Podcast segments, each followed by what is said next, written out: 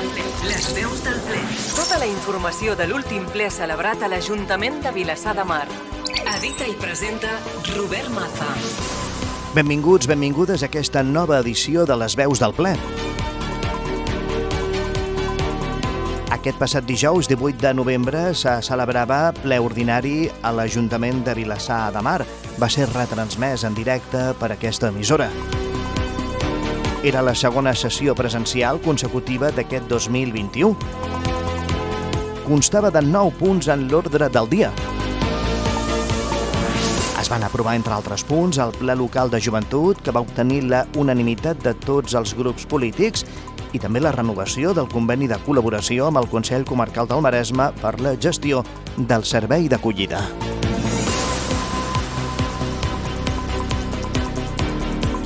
En la primera part de les veus del ple tindreu, com sempre, el resum de la sessió plenària i en la segona part contactarem amb les forces polítiques de govern i oposició per conèixer quina valoració en fan. Les veus del ple.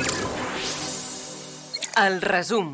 Anem a pams, per tant, i resumim tots els punts de la sessió una sessió que va durar dues hores i quart aproximadament i que s'encetava amb la lectura compartida entre tots els grups municipals del manifest del 25N, Dia Internacional de la Lluita per l'Eliminació de la Violència envers les dones. En el segon punt es va donar compte de la informació requerida pel Reial Decret 635 barra 2014 sobre el període mig de pagament a proveïdors de les administracions públiques.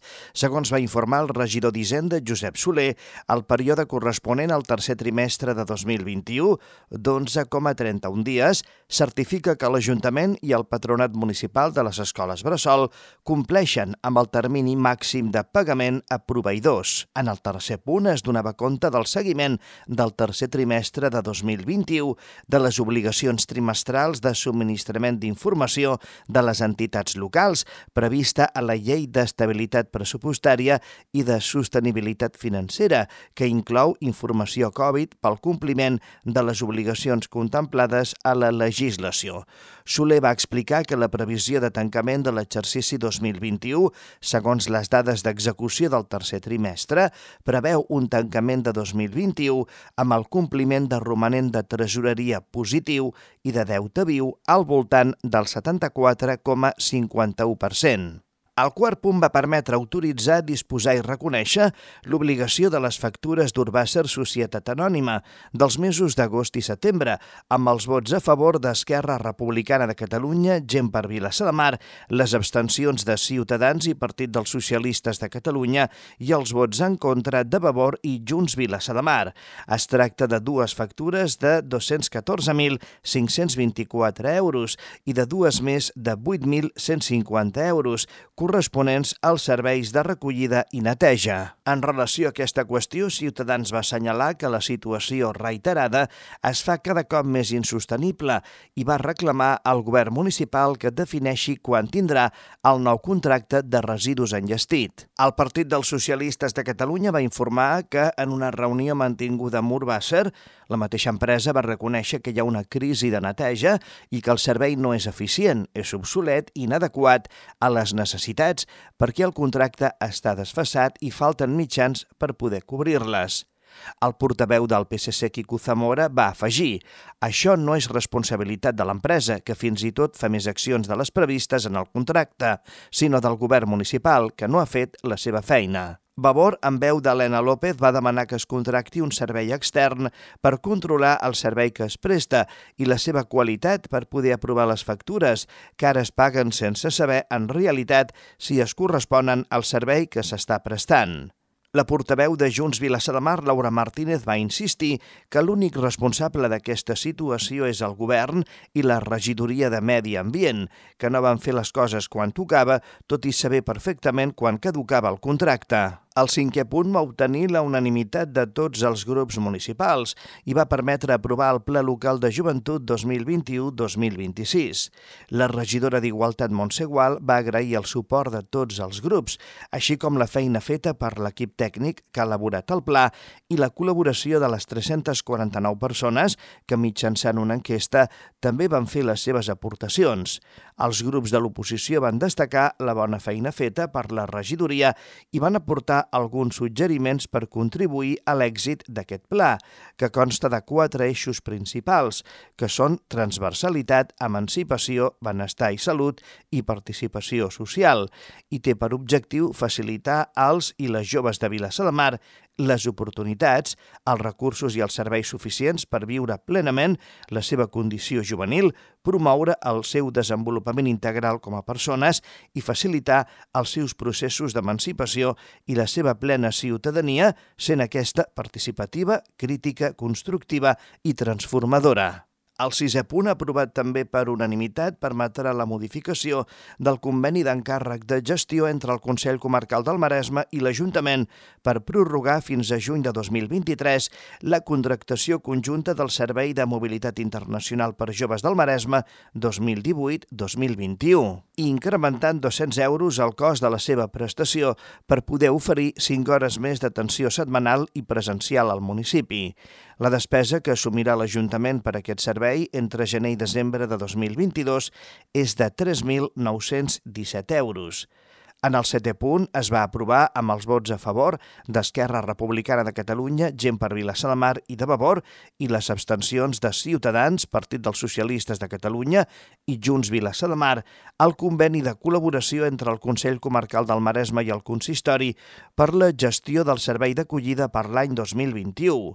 El conveni preveu atenció 6 hores setmanals, un dia a la setmana, a la nàutica, amb un pressupost de 8.791 euros per finançar el personal tècnic. En aquest punt, la regidora de Serveis Socials, Núria Arassa, va assumir les crítiques dels grups de l'oposició per la demora en portar a aprovació del ple un conveni que afecta a tot l'any 2021. El portaveu de Ciutadans va dir que no és de rebut aprovar un conveni quan ja gairebé ha passat l'any s'ha de ser pulcre amb els procediments. Des del Partit dels Socialistes de Catalunya, Quico Zamora va manifestar que no entenen la situació ni les causes d'aquesta demora i que estan desconcertats. Carles Soler, de Vavor, va dir evitem aquests errors. Laura Martínez va plantejar la següent qüestió. Procedimentalment s'està prestant un servei sense que hi hagi un conveni. I si el ple no l'aprovés, què passaria? No ens poden traslladar també aquesta responsabilitat? Va apuntar Laura Martínez, tot instant també a vigilar amb els procediments. Ciutadans va obrir el novè punt, el de pregs i preguntes, demanant pels projectes previstos pel govern municipal en relació als fons europeus Next Generation. Juan Díaz també va preguntar què s'ha fet des de 2017 perquè els parcs infantils de Vilassar de Mar siguin més accessibles i inclusius i quines accions hi ha previstes per fer divulgació de cara a l'any que ve del 19 de novembre com a festiu local per coincidir amb la data en la qual Vilassar de Mar es va independitzar com a municipi. El portaveu de Ciutadans també va fer aquest prec, que en el proper contracte de residus consti com a condició per les empreses que optin a la licitació que aquestes tinguin un pla d'igualtat i que facin una avaluació de la contaminació acústica que generaran. El govern municipal es va comprometre a respondre a les preguntes per escrit. El Partit dels Socialistes de Catalunya va insistir en una pregunta altres vegades formulada. Quan estarà enllestida l'ordenança municipal sobre mobilitat personal? El portaveu del govern municipal, en mans d'Esquerra Republicana de Catalunya, gent per Vilassar de Mar, Àngel Font, va assegurar que aquesta està lligada al pla director de la bicicleta i li queden serrells, ja que el contingut ja està preparat. Quico Zamora va afegir un prec, segons el qual va demanar al govern municipal que reclami a Subissa que assumeixi almenys el 50% dels 109.000 euros que, segons les seves xifres, va costar a les arques públiques de l'Ajuntament el fet que, d'acord amb el govern municipal, decidís no acollir-se als ERTOs per la Covid pel pagament del seu servei principal. Josep Soler va respondre que els primers 15 dies d'aquesta situació no es podien demanar ERTOs pels treballadors que tenien contracte. Zamora també va demanar la dimissió del propi Soler i de l'alcalde Damià del Clot, del Consell d'Administració de Subissa, per no defensar els interessos de l'Ajuntament i que sigui el ple qui anomeni els representants de l'Ajuntament en aquesta empresa mixta. Vavor va verbalitzar diverses preguntes que havia entrat per escrit, la primera de les quals al·ludia a la pèrdua de qualitat en el servei que gestiona l'aparcament del mercat. El regidor d'Hisenda va assumir la pèrdua de qualitat i va argumentar que el cost anual que tindria oferir un millor servei implicaria pèrdues d'entre 50 i 60.000 euros, només per 64 places. Josep Soler va manifestar que són molts recursos per molt poc servei. Vavor també va preguntar pels motius del retard en l'entrada en funcionament de l'equipament provisional per 5 anys anomenat Petit Ateneu a la plaça Ventura Gasol, previst pel setembre de 2021, amb un pressupost d'aproximadament 450.000 euros. El perquè dels canvis en el seu projecte de carpa a una construcció més sòlida i per què no es va informar dels canvis i dels retards. Àngel Font va informar que els retards responien en part a que el projecte partia de la base que la llosa de la plaça seria vàlida, però els tècnics finalment l'han descartada, la qual cosa ha fet que quasi es dobli el temps que estava previst. El portaveu del govern municipal també va explicar que el projecte va evolucionar a una construcció més sòlida però fàcilment desmuntable per poder complir exhaustivament amb diverses normatives, entre elles la de contaminació acústica, amb l'objectiu de causar les mínimes molèsties als veïns. I va afegir, també perquè es van recollir moltes de les propostes de les entitats culturals del poble, el que ha suposat un augment del pressupost i endarreriments. A banda de pel centre cívic del Passeig, Vavor també va preguntar, entre altres qüestions, per la data de la propera comissió de seguiment de la piscina municipal. El regidor d'Esport, Jordi Tàpies, va informar que els tècnics estan recopilant tota la documentació necessària per poder tirar-la endavant. La portaveu de Junts Vilassar de Mar, per la seva banda, es va queixar per no haver rebut resposta a una pregunta formulada en diferents ocasions sobre on són les bases dels premis Esforç i Excel·lència al batxillerat i la va reiterar. La regidora Montse Gual es va comprometre a oferir una resposta per escrit. Laura Martínez també va exigir resposta sobre la situació dels vestidors dels pavellons municipals del municipi i va demanar una solució perquè es puguin utilitzar en la seva totalitat. Jordi Tàpia es va prometre una resposta detallada per escrit. El mateix va fer la regidora de Salut, Núria Arassa, i l'alcalde de Vilassar de Mar, Damià del Clot, en ser preguntats respectivament, per quina mena d'autorització té l'Ajuntament per enganxar en façanes de particulars els cartells de la campanya No en pipis, que té l'objectiu de conscienciar sobre la necessitat de netejar els orins dels gossos. També va preguntar per un decret d'aquest mes de novembre destinat a obrir un expedient per sol·licitar una còpia de l'ordenança de sorolls demanada per un ciutadà cinc mesos abans. Finalment, respecte a altres punts, destaquem que el vuitè va donar compte dels decrets d'alcaldia des del número 3.284 barra 2021 fins al 3.778 barra 2021. Al primer punt de l'ordre del dia es va aprovar per unanimitat l'acte de la sessió plenària anterior corresponent al 21 d'octubre de 2021. No va haver-hi preguntes per part del públic assistent. Les reaccions. Ens disposem seguidament a conèixer la valoració que fan de la sessió plenària les forces polítiques de govern i oposició. Comencem pel govern. Esquerra Republicana de Catalunya. Gent per Vilassar de Mar. Àngel Font. Bé, en relació al ple celebrat ahir des del govern, eh, expressem la nostra satisfacció perquè es van aprovar tots i cadascun dels punts eh, de la part resolutiva de, de l'ordre del dia i això sempre és important. Destacaria de, dels, de, les, de les resolucions que es van aprovar ahir eh, l'aprovació del Pla Local de Joventut del període 2021-2026. Bé, és un pla que en, hi han participat eh, moltíssimes persones, eh, aproximadament unes 350 persones que han participat en l'elaboració d'aquest pla, doncs, han estat joves d'entitats, joves del Consell d'Adolescents, dels clubs esportius, també joves que han participat a títol individual en aquesta enquesta. També donar les gràcies especialment, sobretot, als tècnics de, de la casa i també a tots els companys dels grups municipals polítics que han participat eh, en aquestes eh, reunions i també en la reunió de la sessió de dinamització.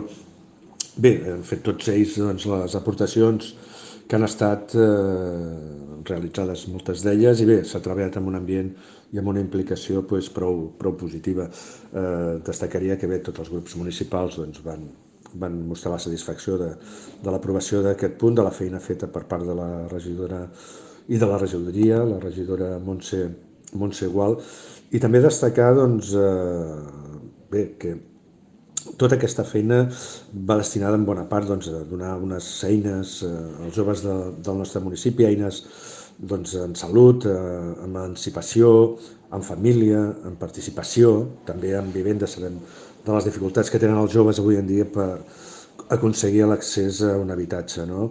També aspectes molt, molt importants com la salut eh, emocional, que també es treballa conjuntament amb la regidoria de, de salut. Per tant, ens felicitem de l'aprovació d'aquest pla local de joventut.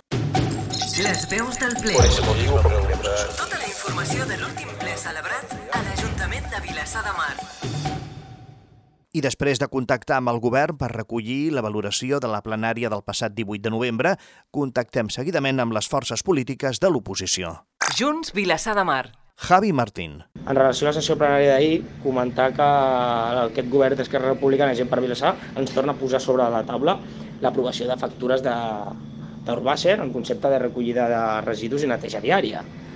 Què succeeix? Que tot això s'esdevé per una mala gestió, una mala gestió des de l'inici d'aquest govern que no va ser capaç de, de treballar i posar les cartes sobre la taula per, per la reacció dels plecs tècnics administratius que en el seu moment eh, s'hauria d'haver iniciat, perquè ja sabien des del primer dia que van entrar, i fins i tot el, el regidor de Medi Ambient, amb la legislatura anterior el, en els seus governs d'Esquerra Republicana i per Vilassar, ja portava aquest tema i per tant sabia quina era la data, quina era la fita de quan acabava aquest contracte i per tant el que, no, el que des de Junts no podem fer és aprovar unes, unes factures on ens traspassen la responsabilitat d'aquesta mala gestió. Ells han estat qui no han actuat per deixadesa completa i ara ens volen fer assumir aquest fet. Per tant, no, nosaltres no ho compartim, no ho hem compartit en els anteriors plenaris i ho seguirem sense compartir. A més, eh,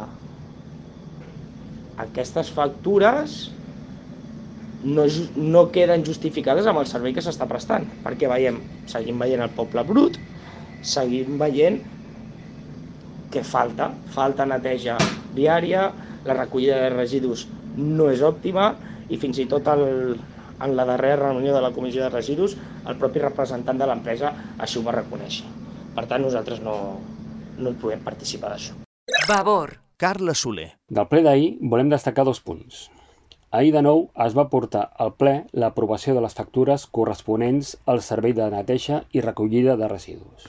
Recordar una vegada més que això és degut a la negligència del regidor de Medi Ambient que no va ser capaç de preparar i portar al ple un nou contracte en el moment que tocava, ara fa dos anys.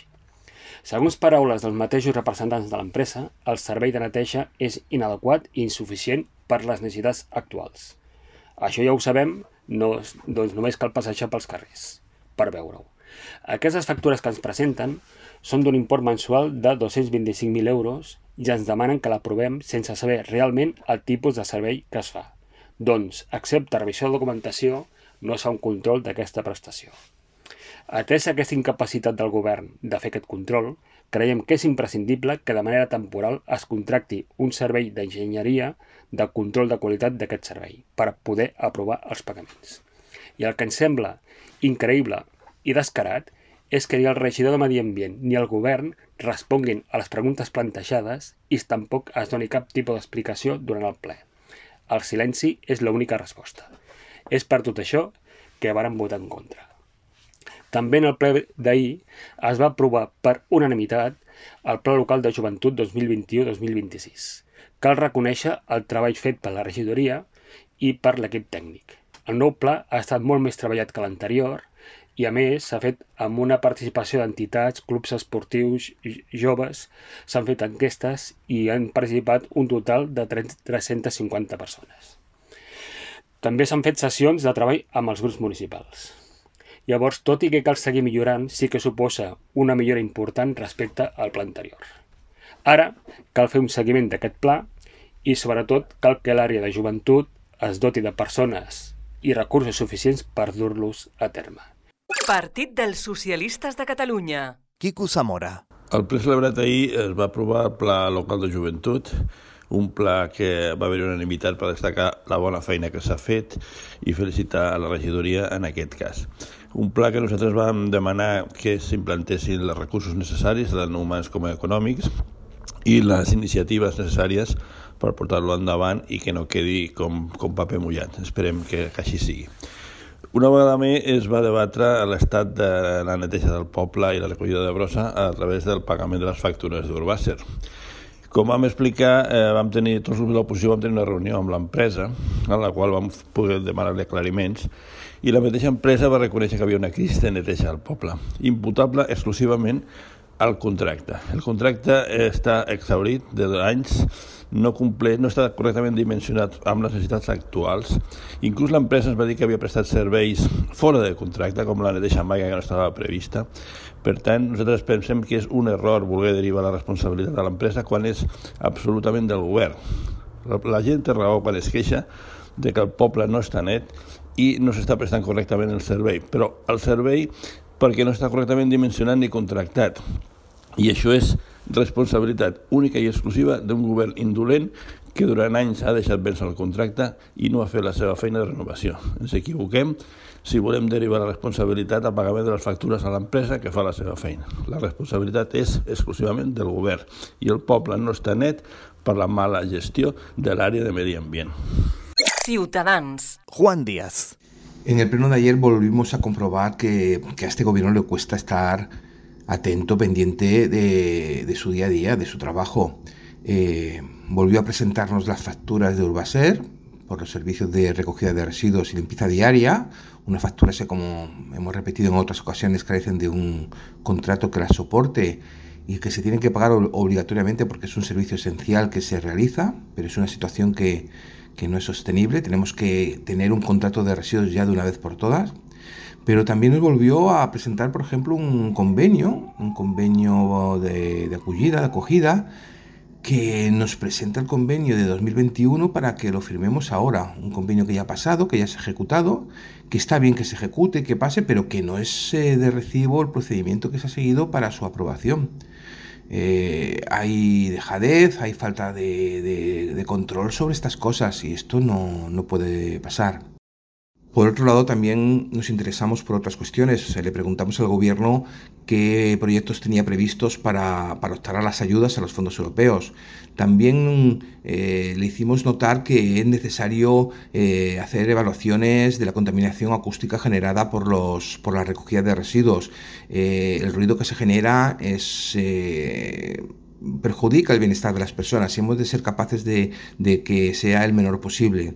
Y también, por último, mmm, eh, le hicimos eh, alusión a la necesidad de, de, seguir mejorando la inclusión y accesibilidad de nuestros parques infantiles. Ya en 2017 eh, se aprobó una moción al respecto y le preguntamos que, en qué situación estábamos. Fins aquí la valoració de la plenària de les formacions polítiques de govern i oposició. Estem ja en els darrers segons de l'espai Les veus del ple. Les veus del ple. Tota la informació de l'últim ple celebrat a l'Ajuntament de Vilassar de Mar. Les veus del ple és un programa que us acompanya a l'endemà de cada sessió plenària ordinària i extraordinària. Les. Tota la informació de l'última sessió plenària. Punt i final aquesta nova edició de les veus del ple, en la qual us hem ofert un ampli resum de la sessió plenària que va tenir lloc aquest passat dijous 18 de novembre des de les 7 del vespre a l'Ajuntament de Vilassar de Mar. Una sessió que va ser retransmesa en directe per aquesta emissora i que podeu tornar a escoltar de nou, igual que aquest mateix programa, Les veus del ple, a través del nostre web vilassarradio.cat en la secció Ràdio a la Carta.